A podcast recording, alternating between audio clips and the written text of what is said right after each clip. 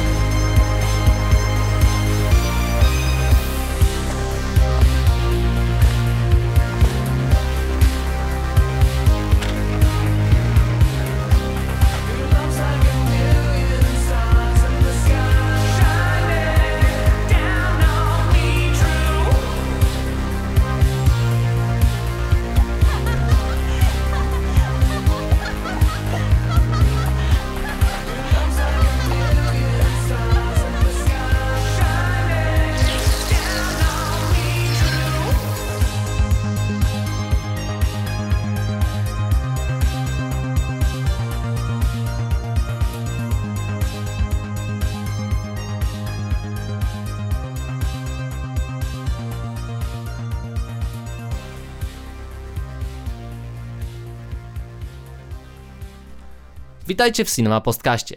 Z tej strony Adrian, reprezentant pełnej sali i witam się z wami, by opowiedzieć o wydarzeniu takim jak Splat Film Fest. Festiwal horrorów odbywający się w Lublinie od trzech lat. E, zanim rozpocznę, chciałbym, chciałbym jeszcze dopowiedzieć, że ten festiwal miał ze mną omawiać tutaj Szymas z blogu Necropolitan, e, znany m.in. z konglomeratu podcastowego oraz ze swojego własnego projektu e, Nawiedzony Podcast. No niestety Szymasa dopadła choroba. Kolejny raz nie będzie u nas e, gościa spoza pełnej sali. No ale przyczyny wyższe, jestem skazany na opowiadanie samemu. Solowe podcasty wychodzą mi tak o, ale mam nadzieję, że tym razem, tym razem mi się uda. Wczuję się w klimat i w pełni opiszę wam to wydarzenie. Wspominam o tym również dlatego, że u Szymasa na podcaście będziecie mogli usłyszeć e, już nasze dokładne, bardzo, bardzo dokładne sprawozdanie z tej imprezy, w którym omawiamy film po filmie. Dlatego ja opowiadając o Splat Film Feście, no skupię się tylko i wyłącznie na, na atmosferze, to znaczy tak, omówię, omówię oczywiście produkcje, które tam się pojawiły, no będę o nich wspominał, ale też postaram się opisać Wam, jak wygląda mniej więcej ten festiwal, jaka jest mniej więcej jego historia, przynajmniej z tego co wiem, z tego co widzę i czytam w prasie.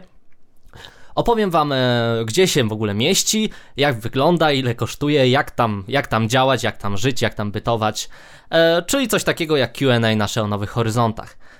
Mam nadzieję, że to będzie sprawna relacja, mam nadzieję, że dowiecie się czegoś ode mnie i zachęcę Was, przede wszystkim zachęcę Was do uczestnictwa w kolejnych edycjach Splatu.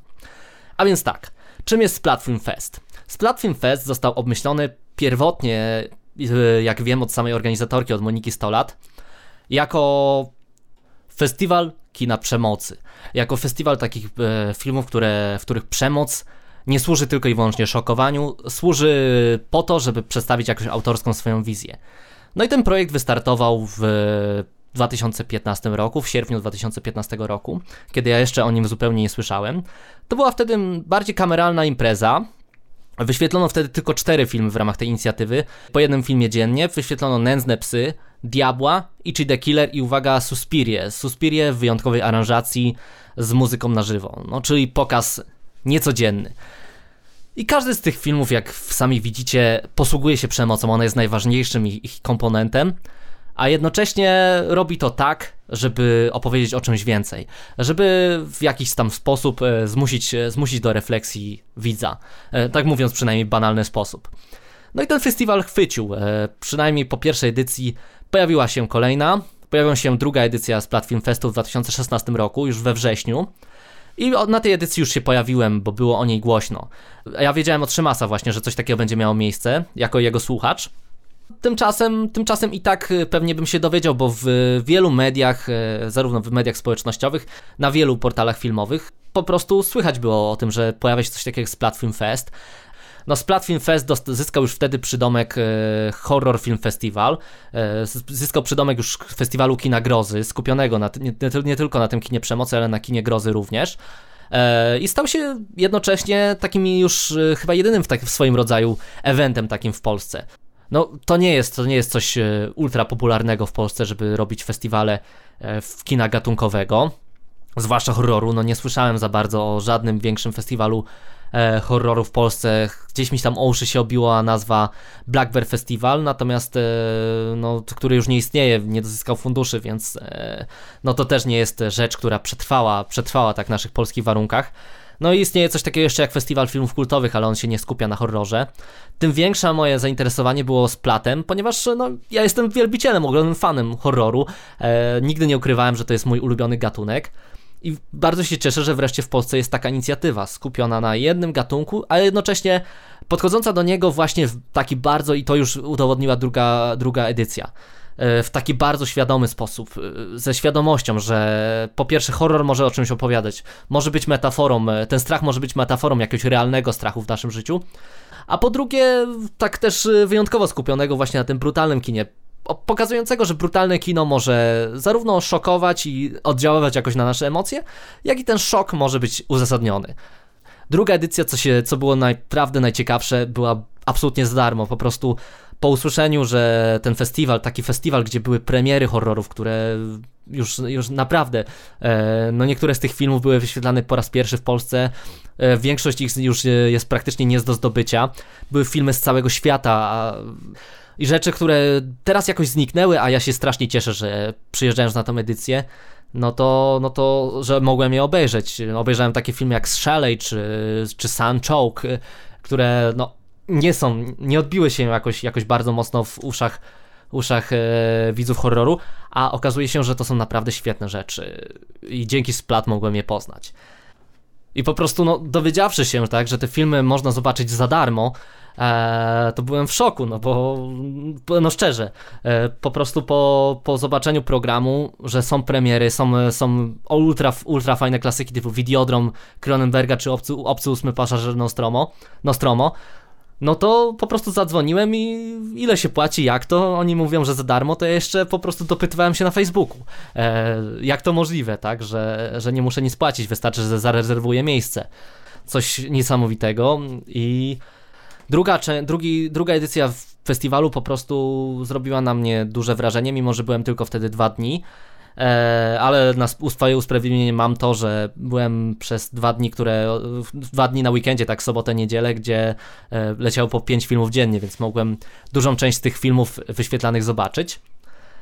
No to po mojej wizycie, no stwierdziłem, że następny rok, czyli rok 2017, tak, czyli ten, to już wtedy na pewno pojawi się na splacie na całym festiwalu.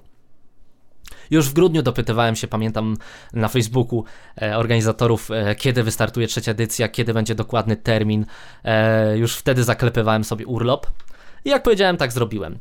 Teraz obecnie jestem już tydzień po festiwalu i mogę, mogę śmiało powiedzieć, że, że byłem na praktycznie całym evencie. No nie było mnie tylko jeden dzień, przegapiłem tylko dwa seanse, ale to dlatego, że aż tyle urlopu nie dostałem, że nie dostałem 10 dni urlopu pod rząd, kiedy no, byłem jeszcze na dwóch festiwalach innych filmowych większych e, przez dłuższy czas, jak, jak słuchacie.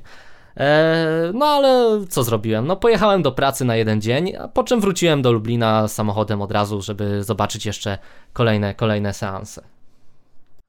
Ale zanim, zanim opowiem dokładnie o Splat Film Festie, o trzeciej edycji, skupię się, zanim skupię się w ogóle na programie, na tym co zobaczyłem, na tym e, co, w czym uczestniczyłem, to opowiem wam chwilę o miejscu, gdzie się to odbywa, czyli o Lublinie.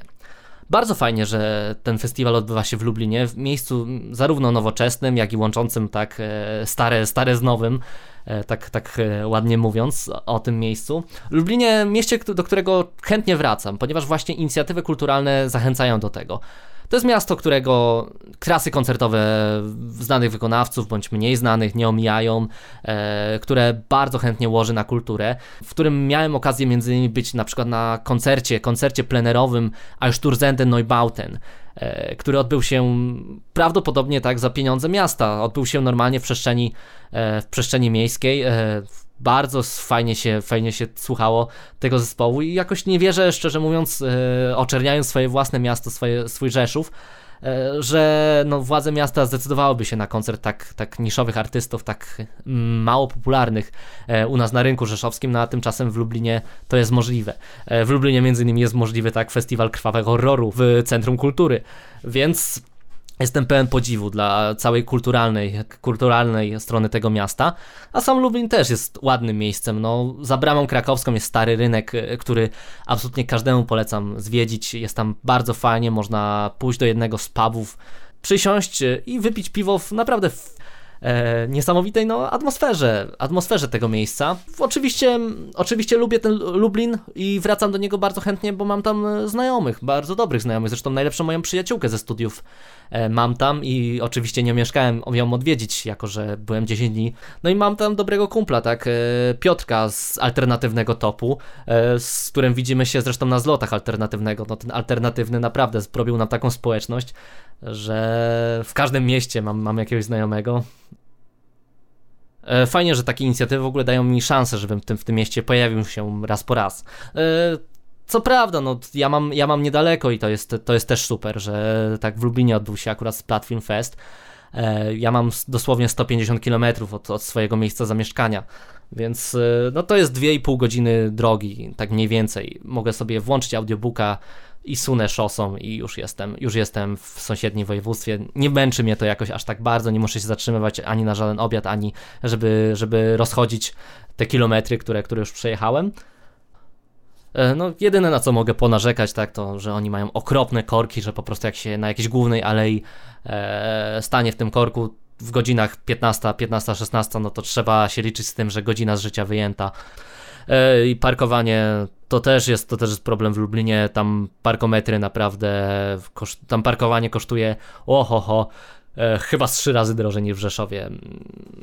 No w każdym razie, jako osoba zmotoryzowana, no to ciężko mi się tam e, bytowało, trzeba było szukać tak wolnych miejsc parkingowych, trzeba było czasami przeczekać te korki, e, dlatego jak już zaparkowałem przy hotelu swoim, to wolałem, wolałem tam już zostać, zostawić tam samochód. Mam miejsce parkingowe, cieszę się i super. I wolałem sobie pójść z buta. A ze swojego hotelu miałem z buta dosłownie 2 km.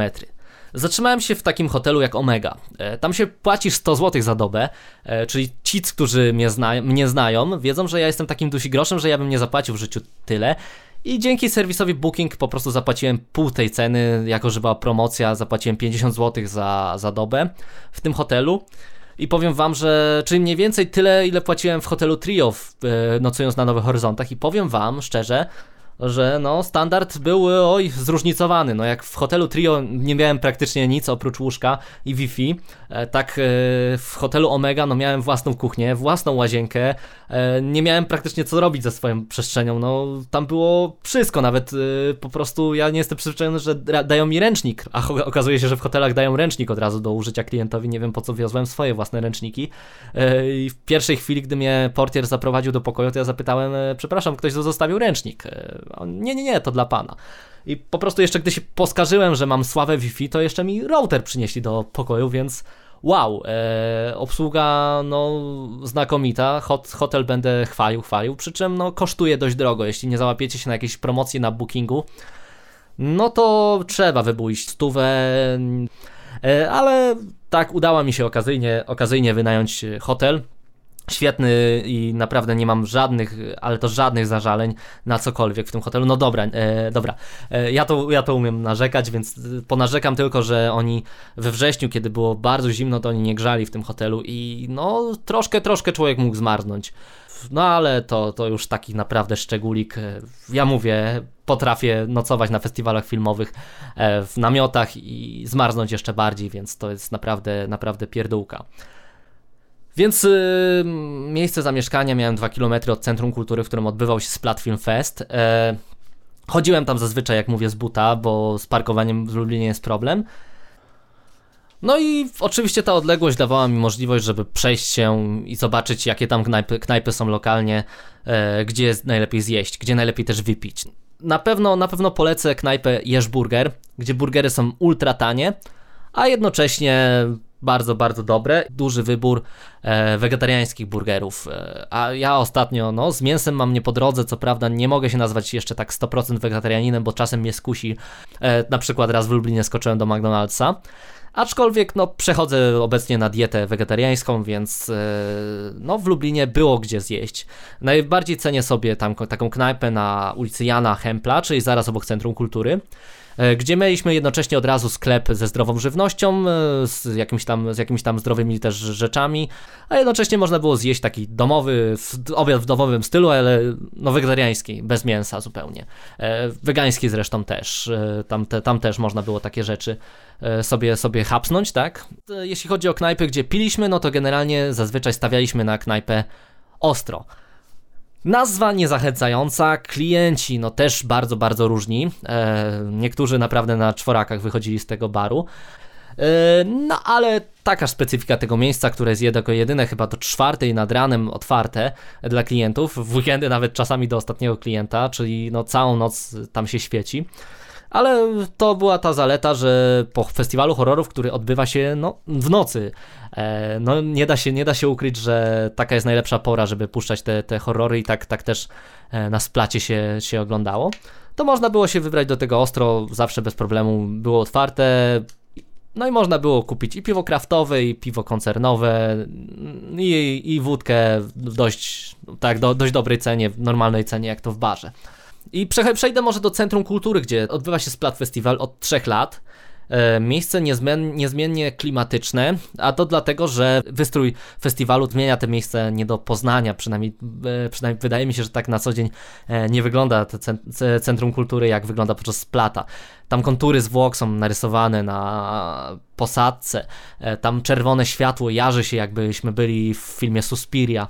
E, tam od czasu do czasu dziwne postaci mijają nas e, podczas samego festiwalu. No, cheerleaderka, która jest umazana krwią i ma logo splata na, na plecach. Clown e, Pennywise z balonikami.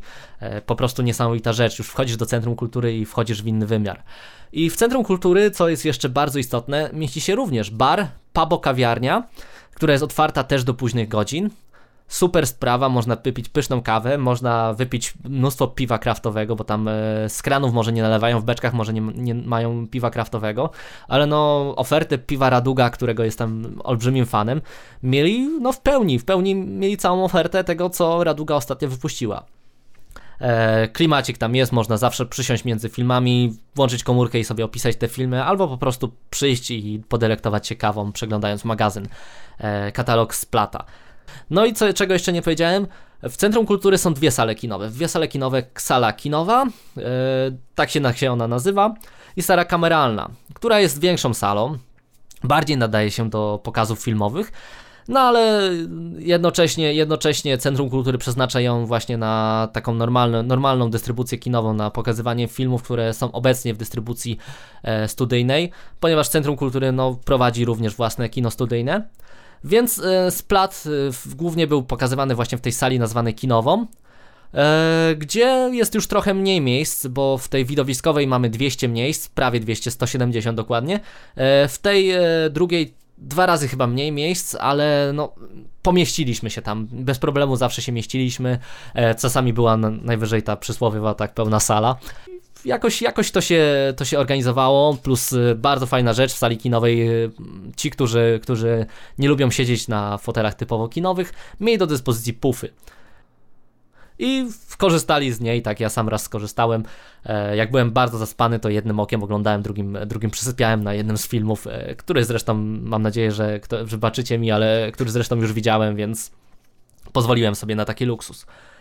Sale bardzo dobrze udźwiękowione, E, już widząc sam zwiastun z plata, który leciał przed każdymi filmami, można było się wczuć, raz, że wczuć w klimat, dwa, że słyszałem naprawdę dźwięki, których nie słyszałem zupełnie u siebie w e, domu na monitorach studyjnych, więc udźwiękowione super, e, sala widowiskowa miała duży, bardzo duży, fajny ekran, sala kinowa miała nieco mniejszy, ale dalej, no czuć, że jesteśmy w kinie, więc tak, tak się oglądało, tak się ogląda właśnie horrory, tak? E, wiedząc, że jumpscare zadziała zdwojono, ze zdwojoną siłą, e, a nie jak w domu, że po prostu coś, coś tam piernie na tych naszych głośnikach domowych i, i tak się nie przestraszymy.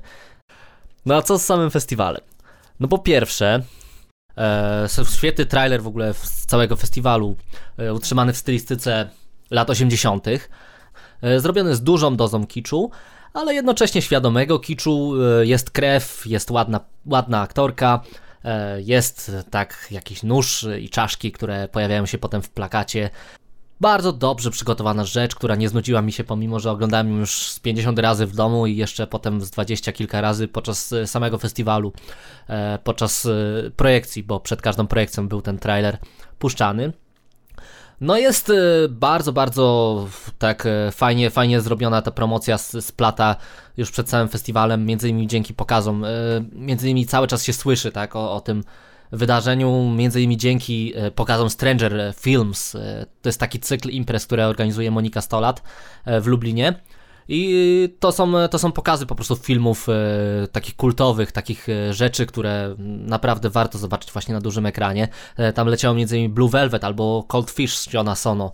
E, Shion Sono to jest człowiek, o którym nagraliśmy podcast, naprawdę wielka, wielka persona, jeśli chodzi o kino e, współczesne. I jak już pojawił się program festiwalu, no to wiadomo było, że warto czekać na splat. E, miesiąc mniej więcej przed, e, przed e, festiwalem było już wiadomo, co obejrzymy. Pierwsze, co się zmieniło w programie w stosunku do poprzedniego roku, to kilka, kilka seansów się powtarza. Taki film jak 68 Kill na przykład ma trzy seanse, natomiast film Skins można było obejrzeć na dwóch seansach. Super sprawa, dzięki temu najgorętszych premier no nikt nie przegapi. Chociaż no, tylko cztery filmy były powtarzane. Natomiast reszta, reszta już leciała w, jedne, w zasadzie jednym ciągiem. I co, co zapewniał ten program? No, przede wszystkim tak, mnóstwo premier. E, premierę światową miał m.in. film Mouse. E, my mogliśmy przed innymi festiwalami zobaczyć go. E, super, że organizatorka sprowadziła ten film, bo naprawdę on robi wrażenie. No, mieliśmy trzy powtórki w stosunku do programu Nowych Horyzontów. E, trzy filmy, czyli Hands of Love, e, czyli Killing Ground i czyli e, Kuso. Trzy filmy, które były puszczane na Nowych Horyzontach. Ja na nie nie poszedłem akurat wtedy. Myślałem sobie, że właśnie od horrorów, od oglądania takiego kina mm, troszkę czasami beklasowego, czasami brutalnego, czasami e, artystycznego kina grozy, to jest Splat Film Fest, więc e, na Nowych Horyzontach będę raczej stawiał na Art House. I dobrze zrobiłem. Okazuje się, że trzy filmy z e, cyklu Nocne Szaleństwo na Nowych Horyzontach pojawiły się potem na Splacie. Eee, oczywiście te trzy filmy, tak powtórki w stosunku do Festiwalu Nowy Horyzont to jest ziarenko tylko, tak, w całym programie Splatu. Ale fajnie się stało, że, że również tutaj można było je zobaczyć. Eee, zwłaszcza, że bardzo, bardzo jestem pozytywnie zaskoczony na przykład filmem Kuso, o czym, o czym później powiem. Cóż, e, Premier jest sporo. Mogliśmy dzięki temu festiwalowi poznać mniej więcej co w horrorze piszczy w 2017 roku super, super, że wreszcie mogłem na bieżąco być, e, ponieważ no, nikt inny mi tego nie zapewni, żebym, żebym był na bieżąco w e, współczesnym horrorze. No, Helios tak na swoich maratonach ma dużo premierówek, ale dobierają je byle jak. Multikino często robi to samo. No tymczasem, a dystrybutorzy polscy to stawiają głównie na te filmy jumpscaresowe. Tymczasem tutaj na festiwalu tak mogą być na bieżąco e, z kinem grozy. No ale najbardziej oczywiście w tych sekcjach, które, które tutaj nam, nam zaproponowano, w tych filmach, które dostaliśmy w programie, no interesowały mnie mm, przede wszystkim starocie, w cudzysłowie oczywiście mówię, nie mówię tego jakoś pejoratywnie, tylko filmy właśnie kultowe, bo była sekcja filmy kultowe, była sekcja retrospektywa, mini retrospektywa Andrzeja Żuławskiego, to mnie bardzo mocno interesowało. E, no i była sekcja filmy dla dzieci. Tutaj mogliśmy obejrzeć w dwóch częściach, podzieloną na dwie części, no bo dzieciaki by nie, nie wysiedziały. Ale była sekcja, w której mogliśmy obejrzeć film Akademia Pana Kleksa. Na dużym ekranie, tak, kultowy film z naszego dzieciństwa. Mogły obejrzeć nowe pokolenia i jak się okazuje, to spełniło swoje zadanie. Przyszło dużo dzieci. Ja byłem na drugiej części e, tego seansu. Szymas mi opowiadał, jak było na pierwszej części Akademii Pana Kleksa. I okazuje się, że dzieciaki były zainteresowane tym seansem, znały piosenki. E, dosłownie jak taki berbeć obok mnie śpiewał sobie, sobie te piosenki z pana Kleksa. Znał je absolutnie na pamięć. Super sprawa. Natomiast no, z sekcji filmy kultowe, no to mieliśmy do wyboru naprawdę porządne tytuły. No, na przykład rewelacyjną rzeczą było obejrzeć jeszcze raz Koszmar ulicy Wiązów na dużym ekranie. Trudno mi się to oglądało. I e, gdy się ogląda film, który już się zna i analizowało tyle razy, no to to już nie przynosi e, takiej przyjemności odkrywania e, tego kina na nowo, ale nadal klimat jest, jest porządny i chyba najciekawszą i najbardziej oczekiwaną rzeczą dla mnie z całego programu, gdy już się ukazał z Plat Film Festu, był film Niespodzianka. Wiedzieliśmy tylko, że to będzie klasyczny film i kultowy film, natomiast nie wiedzieliśmy, co to będzie. I po prostu ja uwielbiam, ja uwielbiam takie seanse, kiedy mm, nawet po prostu dostaję tylko i wyłącznie poszlaki, co może polecieć.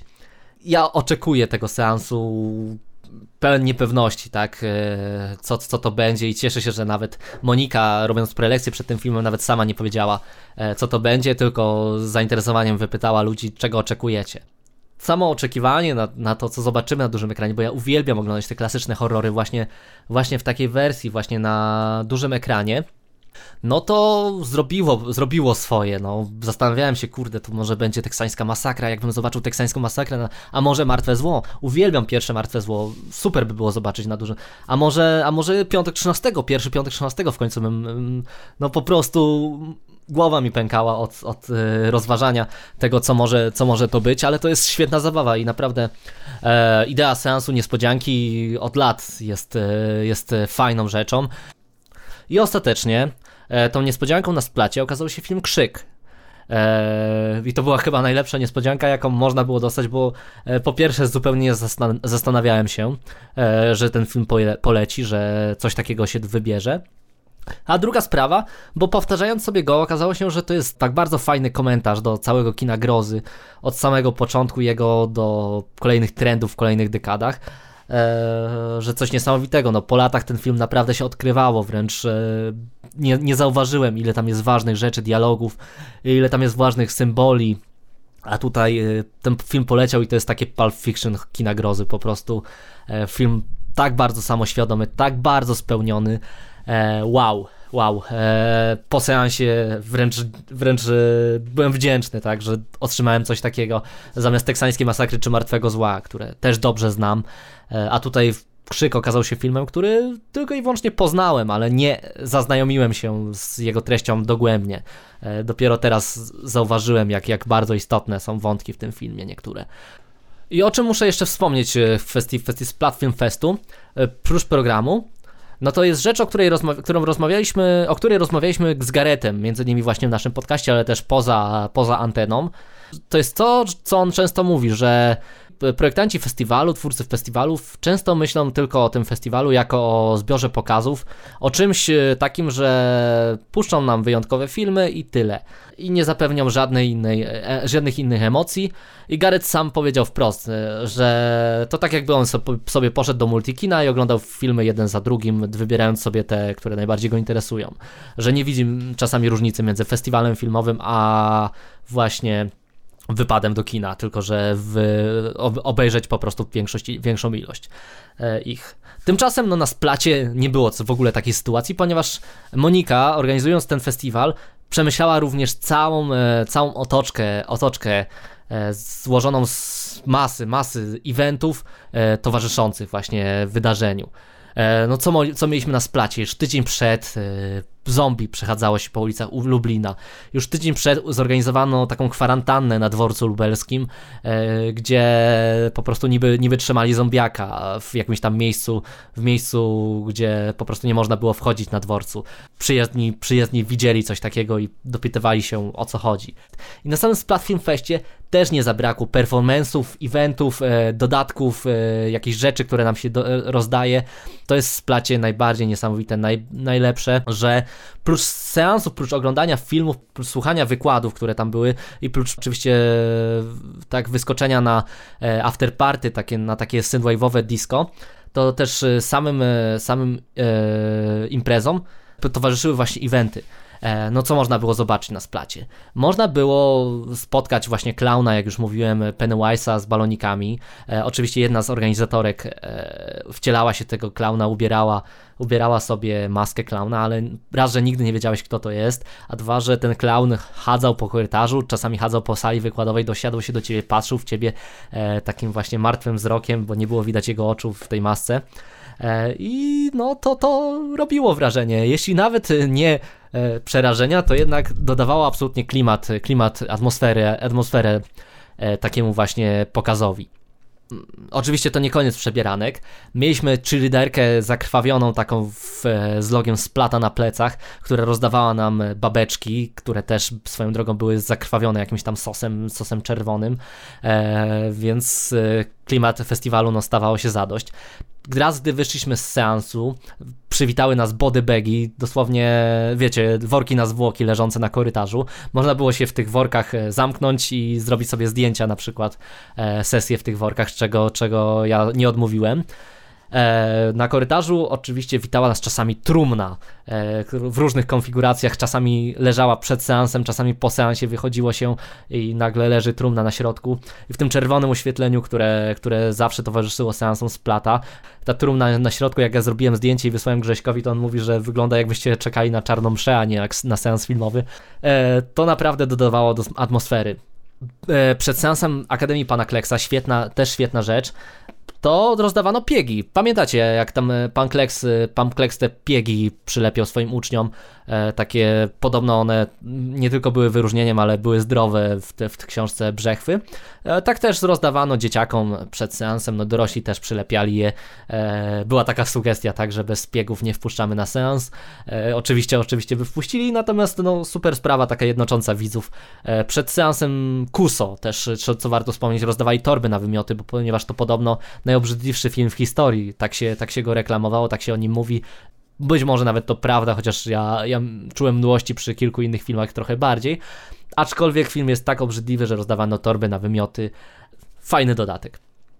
I powiecie, że to są takie dodatki mało istotne, ale tak naprawdę jak dostaniecie od zakrwawionej e, czy liderki babeczkę, które i rozdają ją e, razem ze clownem Pennywise'em, e, no to od razu cię to nastraja pozytywnie na seans. I jednocześnie bardzo się cieszysz, że zadbano o ten klimat horrorowy w przypadku, w przypadku tego eventu. Próżno tego szukać na innych festiwalach. No, myślę, że niewiele, niewiele festiwali tak ma. E, zarówno program, jak i cała otoczka przygotowały nas na e, coś fajnego. I ja tak e, o tych wszystkich wydarzeniach około festiwalowych mówię. No, jeszcze wypadałoby mi pochwalić te wykłady, które były super. E, pojawiały się podczas, podczas tego, tego wydarzenia i na długo zapamiętam każdy z tych wykładów. E, nauczyłem je dużo o horrorze. Brakuje mi też tego na festiwalach filmowych, żeby były jakieś prelekcje, żeby były jakieś e, douczające wydarzenia między seansami, a nie tylko i wyłącznie krótka prelekcja wprowadzająca nas w film. No i bardzo pozytywnie wspominam też spotkanie z pisarzem Stefanem Dardą. Ja twórczości Stefana Dardy zupełnie nie, nie znam, E, natomiast e, bardzo fajnie się słuchało jego wywodów. One dotyczyły e, procesu twórczego, więc nie musiałem znać jego książek, żeby wczuć się w klimat, posłuchać tego, co on ma do powiedzenia, i to były bardzo ciekawe rzeczy. Dużo takich ciekawostek, dużo takich protipów i jakbym chciał zostać pisarzem, to co muszę, co muszę spełniać, o czym muszę pomyśleć i no myślę, że dużo, dużo mi to jakoś dało, a przynajmniej uświadomiło. No ale już cały klimat festiwalu chyba zarysowałem. E, na pewno coś pominąłem, no ja, ja to nie byłbym sobą, gdybym nie zapomniał czegoś, zwłaszcza z moim planowaniem, gdzie ja po prostu włączam mikrofon i nawijam. Natomiast opowiem Wam e, o teraz o e, największych moich rozczarowaniach, największych moich e, zarówno zaskoczeniach festiwalu, o najgorszym i najlepszym filmie, jaki widziałem na tym festiwalu. E, mówiąc tylko o samych premierach. Przy czym nadmienię tylko, że na pełnej sali możecie przeczytać prawie wszystkie dokładne moje opinie o filmach, które widziałem na tym festiwalu. E, mam tam taką dużą relację, wręcz w formie pamiętnikowej, gdzie jest 7 dni e, bytowania na Splat Film Feście. Opisuję z drobnymi szczegółami. Jeśli chcecie dokładnie zagłębić się, jak wygląda moja codzienność na tym evencie, no to tam ją zobaczycie. Natomiast w nawiedzonym podcaście omawiam te filmy już bardziej szczegółowo jeden po drugim w formie dialogu z Szymasem. Tymczasem ja opowiem Wam, co mnie najbardziej zaskoczyło pozytywnie, negatywnie, króciutko w kilku, w kilku słowach. E, przede wszystkim największe zaskoczenie pozytywne. E, najbardziej pozytywnie mnie zaskoczył film Show Yourself, dlatego że nie spodziewałem się po nim absolutnie nic. Absolutnie nic. To miał być straszak o główny bohater, główny bohater wyjeżdża na pustkowie, do chatki w lesie, gdzie kiedyś ze znajomymi spędzali e, młodość, e, lata, lata studenckie, lata e, licealne. Wyjeżdża, żeby pożegnać się ze swoim przyjacielem w ten sposób, że po prostu niedawno był pogrzeb jego przyjaciela. No i bohater musi rozrzucić prochy po lesie, i jednocześnie medytuje nad całą, całą ich przyjaźnią, wszystkim, co ich łączyło przez te lata w samotności w środku lasu, a w międzyczasie jeszcze porozumiewa się ze swoimi znajomymi, pracodawcami, ze swoją dziewczyną przez telefon. Niby zwykłe kino obyczajowe, gdzieś tu jest opiecany wątek horroru, on powolutku eskaluje, ale tak powolutku. I e, gdy już pojawia się horror, gdy już pojawia się motyw horrorowy, no to on jest strogi, on jest e, cholernie klimatyczny, atmosferyczny. Jak sam mówiłem e, w rozmowie z Szymasem, ja chyba pierwszy raz od bardzo dawna bałem się na horrorze poczułem ten klimat i film spełnia się zarówno jako kino obyczajowe, jak i kino grozy. I najmniej, najmniej obiecywałem sobie w tym filmie, bo nie cierpię ghost movies. E, nie cierpię jakichś takich historii właśnie, gdzie czekamy aż coś wyskoczy z lasu, gdzie główny bohater e, żyje w jakiejś nawiedzonej chatce, czy takie inne rzeczy. A tutaj, tutaj tego nie ma. Tutaj jest świetnie zarysowana postać, bardzo, ale to bardzo wnikliwe pokazanie relacji głównego bohatera z innymi, który, przez który, z którymi porozumiewa się tylko i wyłącznie za pomocą nowych mediów społecznościowych, no.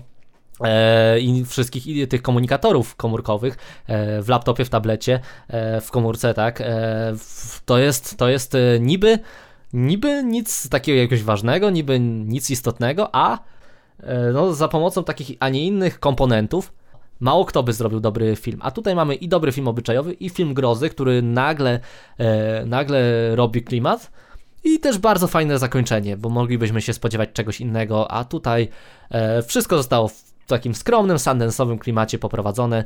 Show, Show Yourself z 2016 roku e, absolutnie rekomenduję. No, jeszcze wspomnę tylko o dwóch filmach, jeśli chodzi o zaskoczenia.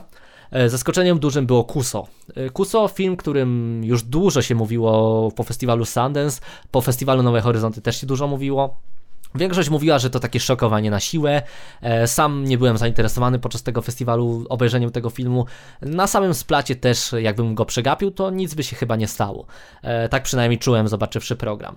E, tymczasem Kuzo, reklamowany, jak już wspomniałem, jako najobrzydliwszy film świata, jako teatr po prostu fekaliów, wydzielin i deformacji, okazuje się, że się broni ponieważ jest tak konsekwentnie budowany tam klimat, tak starannie ta cała warstwa apokalipsy, którą, którą pokazuje Kuso, e, jest e, spełniona, że czasami nawet nie potrzebowałem jakiegoś tam przesłania, chociaż to w tym filmie okazuje się, że ma jakieś przesłanie, to, to też jest e, duża niespodzianka.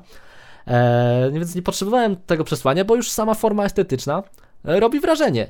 Tam mamy mnóstwo e, kolejnych nowel, które są przerywane jakimiś kolażami, obrzydlistw i te kolaże są strasznie staranne. Mamy takie jakieś e, dziwne pomieszczenia, które są przyozdobione tak, że o każdy chyba szczegół w tle e, zadbano.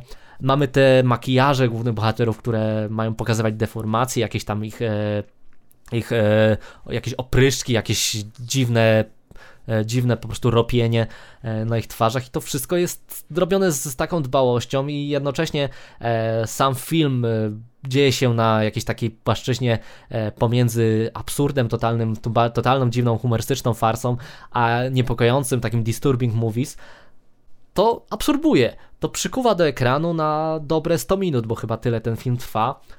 Nie da się oderwać.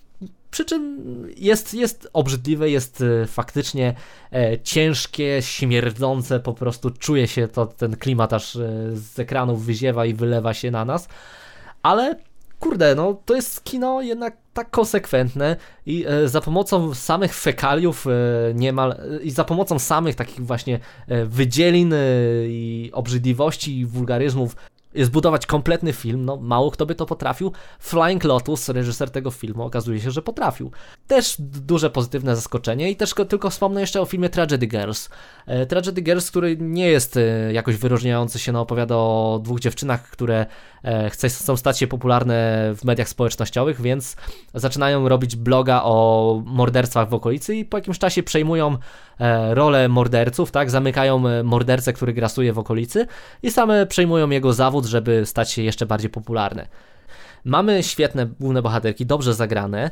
Mamy świetną muzykę, która to wszystko ilustruje. Morderstwa są bardzo krwawe. E, jak było pytanie o najlepsze efekty specjalne, bo tam pod koniec splata jest taka ankieta, e, gdzie wybieramy najlepsze, najlepsze filmy festiwalu, no to jak dla mnie te efekty gore, które tu się pojawiają i sposoby mordów, jakie tutaj użyto, tak, sposoby uśmiercania bohaterów w tym filmie, no są bardzo pomysłowe i ten film jest graficznie też świetny, e, fajnie korzysta z, z motywu mediów społecznościowych.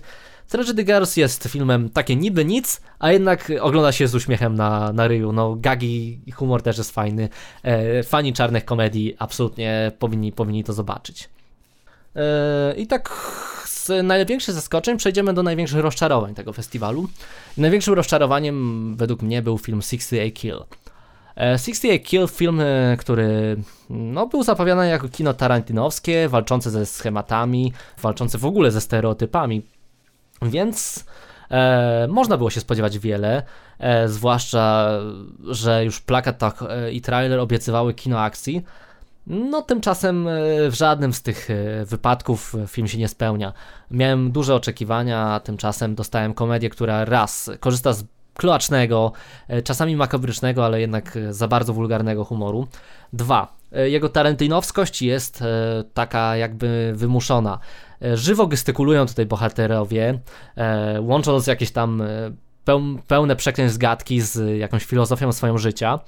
Ale ta żywa gestykulacja, no jakoś tak, oprócz tego, że udaje kino w stylu właśnie Gaia Ritchiego i Tarantino, no to zupełnie nie ma żadnego polotu, zupełnie nie ma żadnego takiego jakiegoś, żadnej jakiejś takiej głębi. Jest tylko takim naśladowaniem mistrzów, naśladowaniem e, takich trendów, które, które rządzą się w kinie e, z pogranicza czarnej komedii, kina gangsterskiego, tak? E, I trzy, że w zasadzie ten film jest tak bardzo pół serio, że aż zupełnie nie, trudno go brać poważnie. E, tam wszystko może się zdarzyć i gdy już wszystko dzieje się na ekranie, to nie czuję jakichś tak bardzo punktów, punktów zwrotnych jakoś tam zaznaczonych na linii fabularnej tego filmu. E, ten film robi sobie co chce, w tym chao w chaosie jest e, owszem nieprzewidywalny, jak chcecie naprawdę czegoś szalonego, to może 68 Kill was zachęci, ale no ja nie wierzę, ja nie wierzę w to wszystko, co zostało ukazane na ekranie. E, tam mamy losy głównego bohatera, który w świecie twardych kobiet musi tak samo nauczyć się być twardy, bo inaczej zostanie przez nie zniszczony. I to jest y, w jakiś sposób pomysłowe, ale czy walczy ze schematami? No w Tragedy Girls, które omawiałem przed chwilą, jest to ciekawie zrobione.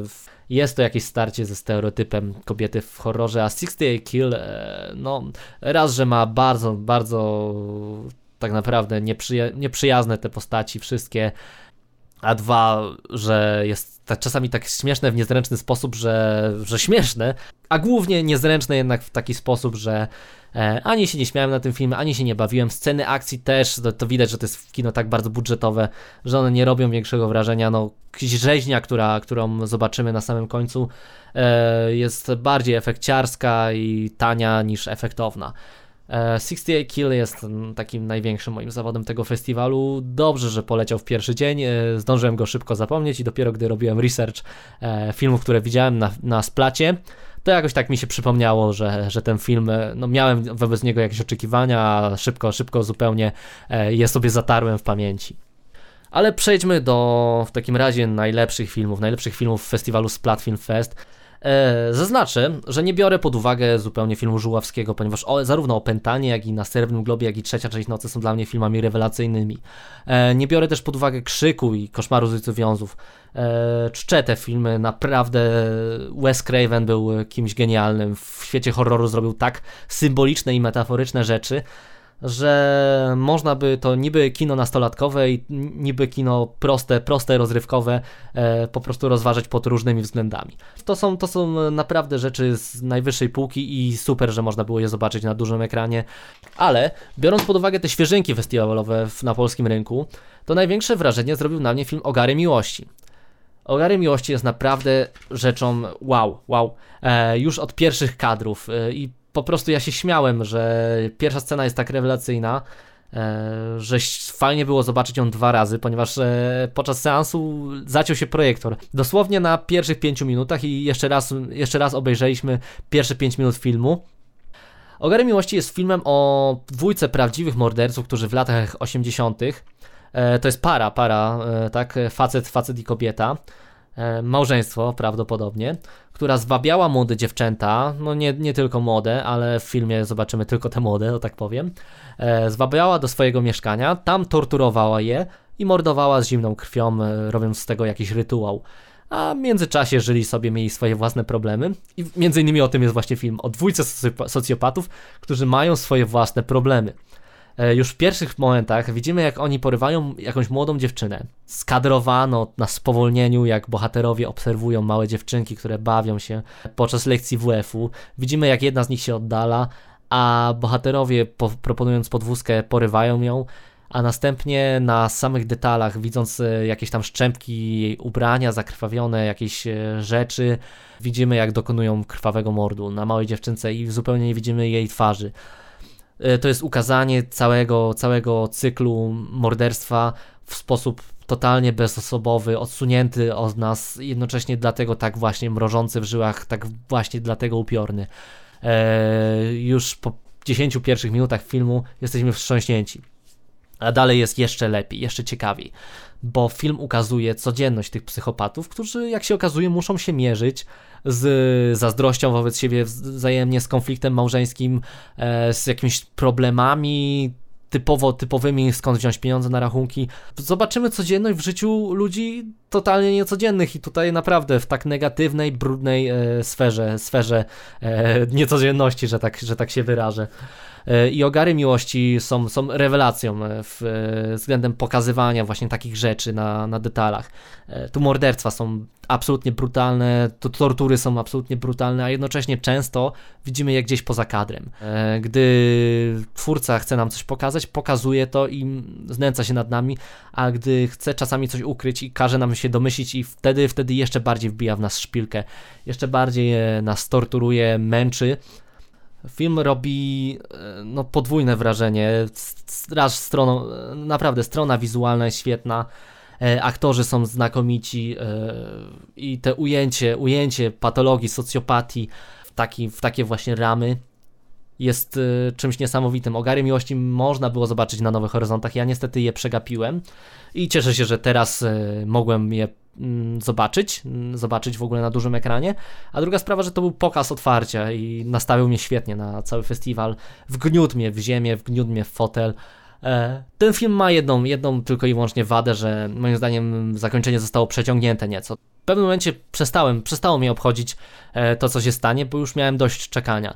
Ale i tak, i tak polecam. Film Ogary Miłości, australijskie kino, zupełnie, zupełnie nowe podejście do patologii.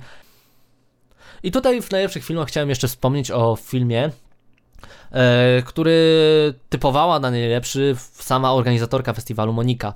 E, Monika w rozmowach prywatnych mówiła, mówiła nam, że to jest według niej coś niesamowitego. W prelekcjach wspominała, że po 20 minutach już chciała mieć ten film na festiwalu. Zobaczyła tylko pierwsze kadry i po prostu zakochała się w tym filmie. I e, za każdym razem podkreślała, że to jest najważniejsza rzecz, jaką, jaką wyświetla na, tym, na tej edycji. E, coś, coś niesamowitego dla niej. E, mowa tu w filmie Maus, e, filmie, który przedstawia nam rzeczywistość wojenną, w kinie survivalowym, wojennym, jednocześnie horrorze. Kinie no nietuzinkowym, wobec którego nie miałem sam większych oczekiwań, a okazał się no, drugim najlepszym, jeśli chodzi o premiery, seansem tego festiwalu. Seansem, który podkochałem od strony technicznej. O czym opowiada w ogóle Maus? Opowiada o Niemcu i opowiada o Bośniaczce, którzy przyjeżdżają do miejscowości, w której żyła, tak, żyła bo, główna bohaterka, bo ona już żyje w e, jakimś innym kraju, kraju Europy, posługują się po języku angielskim, mówią po, ze sobą po, w języku angielskim, więc nie wiemy dokładnie, gdzie mieszkają. Natomiast e, gubią się w bośniackim lesie, kiedy przyjeżdżają na, po, powracają do jej miejscowości e, rodzinnej. I tam spotykają dwóch Serbów. I w tym momencie, w, z rozmów bohaterów, z sennych wizji, które pojawiają się potem, okazuje się, że serbsko-bośniacki konflikt ciągle żyje w bohaterach e, i oni muszą się z tym w jakiś sposób skonfrontować. Mówię dość enigmatycznie, bo sam film jest enigmatyczny, jak mówiłem, e, zawieszony gdzieś między snem a jawą, gdzieś rozegrany w onirycznej rzeczywistości, a jednocześnie e, czasami bardzo, bardzo dosłowny. W tym filmie mieszka, miesza się i w kino wojenne, i kino fantazy, i jednocześnie to wszystko metaforycznie podejmuje jakiś tam dialog z e, myśleniem o współczesnej Europie. No choćby, choćby nawet e, ze względu na taki szczegół, że główna bohaterka bośniaczka jest muzeumanką. Więc no to, to bardzo potem istotnie się przewinie w tym filmie i w ostatniej scenie między innymi. W każdym razie, no, film e, bardzo, ale to bardzo klimatyczny pod względem wizualnym. Tutaj zobaczyłem coś takiego, e, że jak, jak ostatnio mamy olbrzymi trend do robienia mastershotów w filmach, tak tutaj e, twórca postanowił zrobić ten film na, na długich ujęciach, ale jednocześnie zupełnie się nie upaja tym, że wow, zrobiłem super długie ujęcie, wow, aktorzy potrafią zagrać przez 15 minut, e, potrafią zagrać przez 15 minut taką, taką pozę, którą, którą im ustaliłem. Nie, ten film się nie, nie upaja mastershotami, on po prostu jest taką właśnie błąkaniną pomiędzy jawą a snem, gdzie kamera cały czas podróżuje za postaciami, ale jeśli trzeba, cięcie. Koniec, koniec ujęcia. Jeśli trzeba, jeśli nie jest to jakieś potrzebne, to nie potrzebujemy szpanowania w tym filmie. W tym filmie absolutnie nie ma efekciarstwa wizualnego, jest po prostu dobra robota operatora. E, ten film sobie płynie. Płynie przez kolejne tematy, które chce pokazać, e, przez kolejne rzeczywistości, które tam przekracza. I jednocześnie kamera bardzo sprawnie to, to pokazuje. E, te emocje bohaterów podąża za nimi, skupia się na ich twarzach, okrą okrąża ich, bardzo starannie zrobiona rzecz, e, jak mówię, dyskutująca z e, wojną, z tematyką wojny w Europie. Świadomie dobrano tutaj zupełnie różnych, różnej narodowości bohaterów. To wszystko jest przemyślane, to wszystko da się zrozumieć na poziomie metaforycznym. Doceniam takie kino, doceniam ten film. Z ogarami miłości nie potrafię wygrać, bo ogary bardziej wgniotły mnie w fotel. Mouse e, bardziej zachwyciło stroną, e, stroną e, zarówno metaforyczną, jak i, jak i wizualną, audiowizualną. E, lubię ten film, polecam absolutnie każdemu. Jak mówiłem, cieszę się, cieszę się, że miał premierę akurat u nas. I jest to mój drugi, drugi film tego festiwalu. Jedna z rzeczy, na których no, fajnie odwiedzać takie festiwale. Włoskie kino, 2017 rok. Niedługo zacznie podbijać inne festiwale. Pie najpierw podbił Splata, można było zobaczyć tam go trzy razy, jeśli przegapiliście, to szukajcie, myślę, że się odbije w świecie horroru. A co do mojego podsumowania festiwalu, bo już, już do tego zmierzamy. Nie wiem, jak bardzo chaotyczna jest ta audycja. Ją robiłem jak zwykle, jak nagrywam solówki, to robię je z dużymi przerwami. Czasami idę na spacer i wracam i odsłuchuję, odsłuchuję fragmentu, na którym skończyłem i nagrywam dalej. Czasami jak mi się nie podoba to, co mówię przez 5 minut, to ja to wyrzucam i po prostu wywalam i na, nagrywam od nowa. Tworzy się takie uczucie chaosu, zarówno w mojej głowie, jak i potem w montażu. Mam nadzieję, że tego nie odczujecie. I mam nadzieję, że w miarę płynnie mówiłem, bo niestety e, ja nie potrafię mówić solowych, solowych występów, tym bardziej żałuję, że tutaj nie ma Szymasa. Ale e, podsumowując w ogóle festiwal, no to jest bardzo udana rzecz, bardzo, bardzo, bardzo. E, słowo bardzo zresztą powtarzało się nie bez powodu przez e, cały, cały ten podcast. E, nadużywałem go, bo po prostu tutaj tak wywindowano, e, nasze oczekiwania, że no trudno będzie im sprostać przy czwartej edycji Splata. Ale Splat jest czymś, czego no naprawdę brakowało mi, ponieważ ja jako widz arthouse'owych festiwali mam ich od cholery w naszym kraju, a tymczasem jak chcę sobie obejrzeć horror, no to już jest problem. Jak chcę dobrać dobry horror, a tych jest e, naprawdę niewiele, no to nagle pojawia się bariera, która nie do przeskoczenia. Splat wypełnia pewną niszę, życzę jak najwięcej temu festiwalowi. E, cieszę się, że jest tak różnorodny, że na drugiej edycji było kilka klasyków, tutaj było od cholery już klasyków. Mamy wreszcie sekcję retrospektywy. E, mamy kolejną, kolejną taką rzecz, jak e, właśnie możliwość oddawania krwi na tym festiwalu, czyli zachęta dla przyjezdnych, żeby mogli sobie oddać krew i w tym momencie mają dzień wolnego w pracy, a jednocześnie pomaganie innym, to powinienem podkreślić na samym początku, niestety, niestety e, pomyślałem tak, pomyślałem o takiej praktycznej e, elemencie, ale no to jest super sprawa, że dzięki temu, że tak możemy oddawać krwio, krew od razu na festiwalu, pomagamy innym. Więc to super element. Splat, bo tego nie powiedziałem, jest od tej edycji płatny, ale to jest, to jest 10 zł od seansu premierowego i 5 zł od klasycznego, a niektóre seanse były dalej darmowe. Więc to jest nadal jest cholernie tania rzecz. Warto, warto zainwestować w to pieniądze. Tutaj myślę, że każdy, kto, kto chodza na festiwale, zobaczy, że to jest, to jest standardowa cena, to nie są jakieś wygórowane ceny. E, więc plac się rozwinął absolutnie pod każdym kątem. Cieszę się, że byłem na większości tego festiwalu, że zapoznałem się z nowym kinem grozy, że nadrobiłem klasykę, e, że dowiedziałem się dużo więcej o, na wykładach. I że no tyle atrakcji mnie czekało na, na tym evencie, e, że w ogóle spotkałem tam właśnie Szymasa, że spotkałem MIM'a, e, Piotrka, Piotrka z alternatywnego topu, że pogadałem sobie z Moniką tak o organizowaniu w ogóle mm, festiwalu, dowiedziałem się jak to ciężka praca jest i jak czasami niewdzięczna ze strony widzów, ale jednak no myślę, że E, frekwencja dopisała, więc większość, większość docenia jej wielki wkład w, w to wydarzenie. Fajnie było odwiedzić Lublin i uczestniczyć w czymś takim.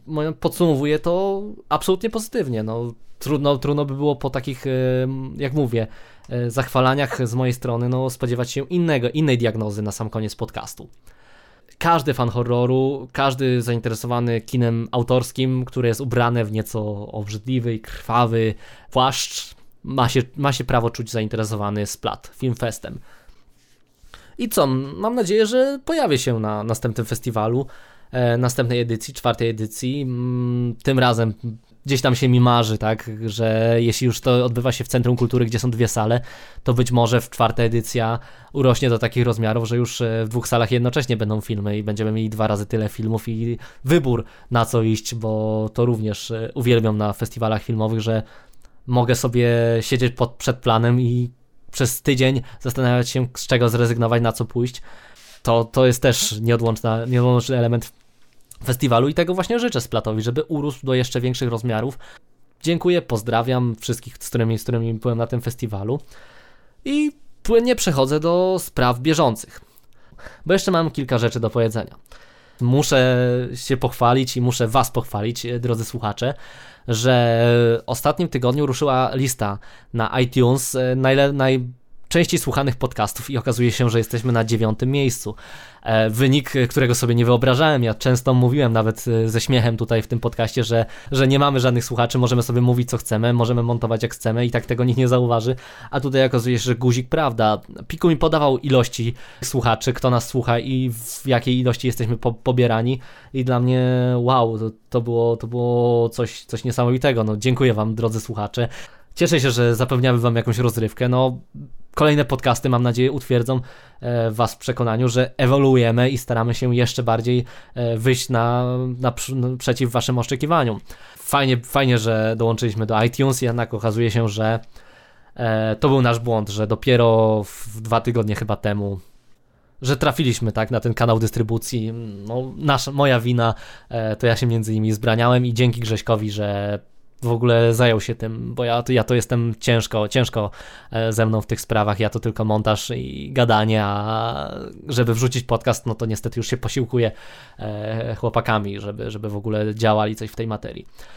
E, druga sprawa to następny odcinek. W następnym odcinku w zasadzie trochę wrócimy do klimatu z Platfilm Festu, więc prawdopodobnie jak już, jak już zaczniemy ten odcinek, no to będę mógł dopowiedzieć to, czego nie powiedziałem w tym odcinku. E, być może też poprawię to, co wyleci w cięciach montażowych. E, czyli w następnym odcinku omówimy sobie twórczość Andrzeja Żuławskiego. Więc mi pozostaje Was tylko pożegnać. Przepraszam, jeśli za długa jest ta audycja, jeśli jest zbyt chaotyczna. Jak mówię, ja wciąż solówek nie potrafię robić tak, jakbym chciał, żeby one, one wyglądały, ale to tylko kwestia wyuczenia się. Kolejne podcasty przed nami. Dzięki wielkie jeszcze raz za to, że na iTunes tak, tak prężnie nas wspieracie. Zaglądajcie na pełną salę, słuchajcie podcastów, trzymajcie się, hej!